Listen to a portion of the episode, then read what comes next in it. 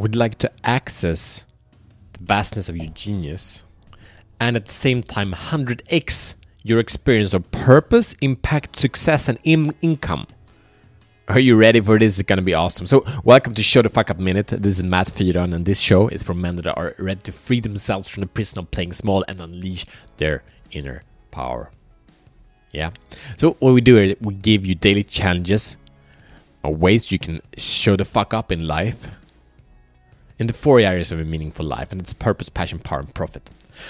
So the problem is, we spoke about it some days ago. If you didn't check that episode out, go back to episode 57, how your patterns are holding you back from power and how you can unleash them. Go back there because then we identify how these four different levels of these different zones are are acting in your life, how you're living with them. The zone of incompetence, the zone of competence, the zone of excellence and the zone of genius. And today we're gonna expand and dive into the zone of genius. How awesome is this? So the problem is that, that we're living in lives where we spend way too much time, energy, and effort in the zone of incompetence, meaning uh, the zone of incompetence are, is inherently zone of frustration, overwhelm, uh, just zone that puts brings your confidence down. So if you experience these things, it's because you're doing things you don't understand uh, they're not natural to you, you probably don't even like them. So it's a strategy for self sabotage. It's at that. Sometimes we need to do it if you don't have the money and so to, to distribute it and, and, and so on, but spend less time there. Now, level three, sorry, level two is the level of zone of competence, means that you can do it, but you're just average, like thousands or millions of other people can do the same. It's like me cooking. It's like, okay, I can do it, it's cool. We need it for the family, but it's it's not making me better or making the world thrive in a way. So spending time in these activities doesn't move the needle in the impact in life I want to create. And then we have the zone of excellence, and I live in the zone of excellence. I'm super grateful. Going a few years back, I was much more in the zone of of, of uh, competence. It's a huge evolution, but the zone of, of excellence, the problem it has is it feels pretty good. It feels quite purposeful. You know, it brings in a good living, and, and, and it does um, all these things but since it feels good, you know, good is the the biggest hinder of, of greatness, right? It holds us back from the zone of genius. And now we're going to tap into the zone of genius. And basically, that's a zone of where time doesn't exist. It's a zone of fulfillment, it's a zone of happiness, it's a zone of power, it's a zone of alignment, it's a zone of connection, it's a zone of synergy.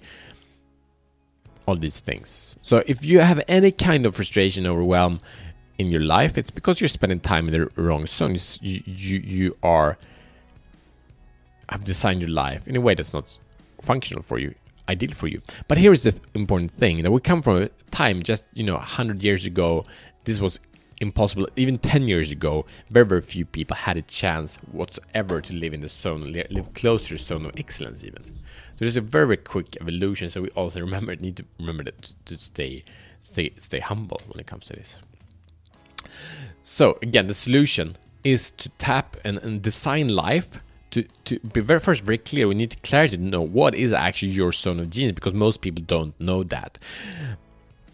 And the zone of genius is a zone of excellence. Difference there, zone of excellence is something that is taught, is learned. You, you might spend thousands, thousands of hours. You maybe you're a master of it. But we can become masters pretty much anything if we spend enough time there. But it's sort of genius different because that's something that is inherent to. It's something that you're born with. It's something that maybe you learn in childhood. And, and, and for me, many others, it's something that we had great challenges during our childhood years. We had to adapt based to our parents and stuff.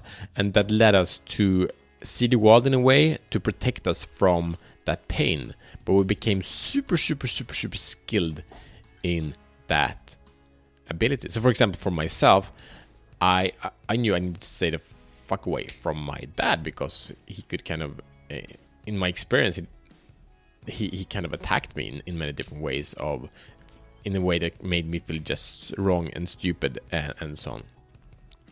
So then I, I needed to see what were the energies going on in between kind of my parents and also in around me and I needed to move those energies needed to kind of adapt in a way to not be attacked.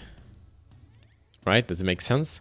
And today, this is my superpower because I can experience and feel energies in systems, in organizations, uh, among families or groups. I can feel intuitively very very powerful how the energies are moving what are the needs and what what are the blocks what are the needs and how we can open up kind of infinite flow in these groups and i don't do this very much at all but that's kind of my superpower. That's like my genius zone where i'm the top you know couple percent in the world and results are just amazing and effortless and it's it's a lot of fun.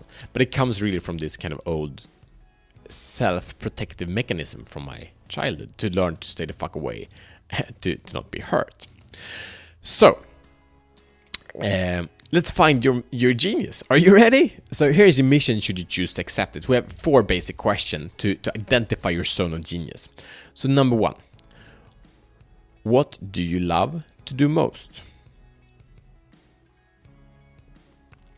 And we can identify this like things that you love so much so you can do for long stretches of time without getting tired or bored. You can just do it it's like fun. It's just and just kind of getting energy from it. Number two what work do you do that doesn't seem like work.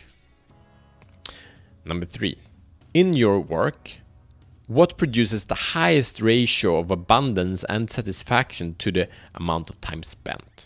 So little time spent high results high impact right? Number four, what is your unique ability?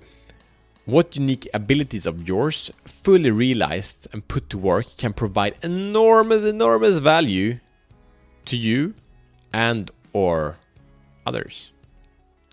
So it can be expressed to like, I'm the best when I am doing what? In doing X. So complete that sentence. Or, or when I'm at my best, exact thing I'm doing is, you know, and I can share that.